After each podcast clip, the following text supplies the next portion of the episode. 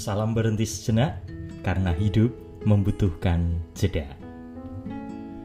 Salam jumpa lagi dengan saya Romo Kristiadi di podcast Berhenti Sejenak yang berisi tentang renungan-renungan, sharing, pengalaman-pengalaman saya, dan juga kata-kese-kata-kese singkat Nah sore hari ini saya ingin sharingkan permenungan saya pada bacaan Injil pada hari raya kenaikan Tuhan kita Yesus Kristus Hari ini semoga Anda semua bisa berdoa secara khusus atau ikut misa batin secara online yang dibantu dengan sarana-sarana yang ada disediakan oleh gereja-gereja di paroki mana pun Anda mengikutinya. Uh, saudari-saudaraku yang terkasih, sahabat-sahabatku yang terkasih sering kali ada guyonan ya. Jadi kalau pada hari kenaikan Tuhan ini nggak usah berdoa kepada Bunda Maria karena Bunda Maria tidak bisa ditemui di rumah. Dia sedang ke sekolahnya Yesus untuk naik untuk ambil rapot kenaikannya Yesus.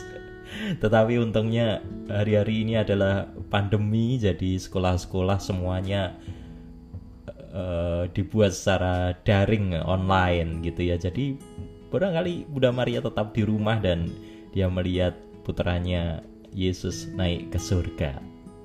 Nah, sahabat-sahabatku yang terkasih, pada sore hari ini inspirasi permenungan saya datang dari Injil Matius bab 28 ayat 16 sampai dengan 20. Tidak perlu saya bacakan semuanya, saya hanya akan membacakan satu perikop uh, satu perikop, satu ayat saja uh, yang nanti akan mengawali untuk menjadi menjadi awal dari permenungan kita. Dikatakan di dalam Injil Matius ketika melihat dia mereka menyembahnya, tetapi beberapa orang ragu-ragu. Beberapa orang ragu-ragu. Keragu-raguan atau meragu atau ragu-ragu itu sering kali hadir ya di dalam diri kita, di dalam hati kita, di dalam perasaan kita. Dan ini terkait dengan relasi ya kan? Pengalaman relasional keragu-raguan ini. Entah ragu dengan uh, teman sekerja, mungkin mengalami keraguan-raguan dengan atasan, mungkin kita justru ragu dengan bawahan, atau dalam relasi yang lebih intim, misalnya uh, dengan sahabat, ada keraguan-raguan kalau aku cerita kepada sahabatku ini apakah dia bisa menyimpannya atau tidak, misalnya, atau keraguan-raguan dengan pasangan, apakah pasanganku sungguh sudah bertobat misalnya. Atau pas ataukah pasanganku ini sungguh mencintaiku gitu ya. Jadi ada keraguan-raguan. Atau kita ragu-ragu pada anak atau orang tua sendiri terkait dengan beberapa macam hal. Misalnya anak diberi kepercayaan untuk uh, mengikuti les ini les itu belajar ini itu. Lalu sebagai orang tua kita aduh bisa nggak ya dia ya? Ada keraguan-raguan ketika kita berrelasi. Juga di dalam relasi kita dengan Tuhan ternyata e, di dalam penghayatan iman dan keyakinan kita ternyata sering kali kita juga berada di dalam pengalaman keraguan. Apalagi di dalam situasi semacam ini. Situasi kegelapan semacam ini, situasi sulit seperti ini, sering kali kita berada juga di dalam keraguan-raguan Tuhan apakah betul kamu menyertaiku? Apakah betul kamu mau uh, membiarkan pandemi ini segera berlalu? Sampai kapan dan seterusnya? Kita ragu-ragu.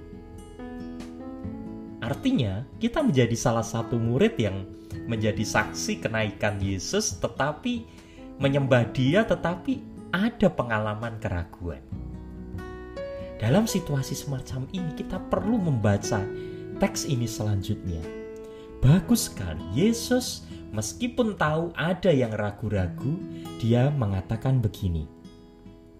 Kepadaku telah diberikan segala kuasa di surga dan di bumi.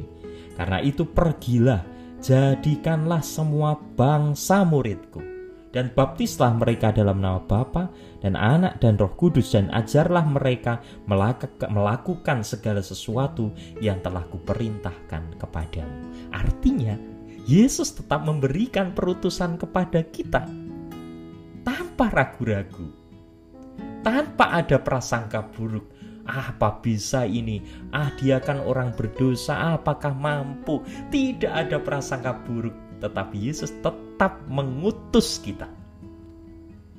Dan bukan hanya itu, kalau di dalam pengalaman keraguan-raguan kita sering kali takut dan khawatir, Yesus kemudian menutup dengan baik sekali, yaitu ketika ia mengatakan, "Dan ketahuilah, Aku menyertai kamu senantiasa sampai akhir zaman." Menyertai kita sampai akhir zaman sahabat-sahabatku yang terkasih, maka mari meskipun di dalam perjalanan iman kita, perjalanan hidup kita, kita tidak lurus-lurus saja ya. Seringkali kita juga berada di dalam pengalaman keraguan. No, jangan berhenti. Jangan berbalik arah, jangan menyerah. Lihat Tuhan tidak menaruh prasangka buruk kepada kita dan tetap mengutus kita. Ia mengutus kita semuanya dan ia menyertai kita sampai akhir zaman. Kenaikan Tuhan Yesus ke surga justru memberikan kekuatan yang luar biasa kepada kita karena ia menyertai kita sampai akhir zaman. Semangat! Saudari-saudaraku, sahabat-sahabatku yang terkasih, mari kita tetap semangat. Salam berhenti karena hidup membutuhkan jeda.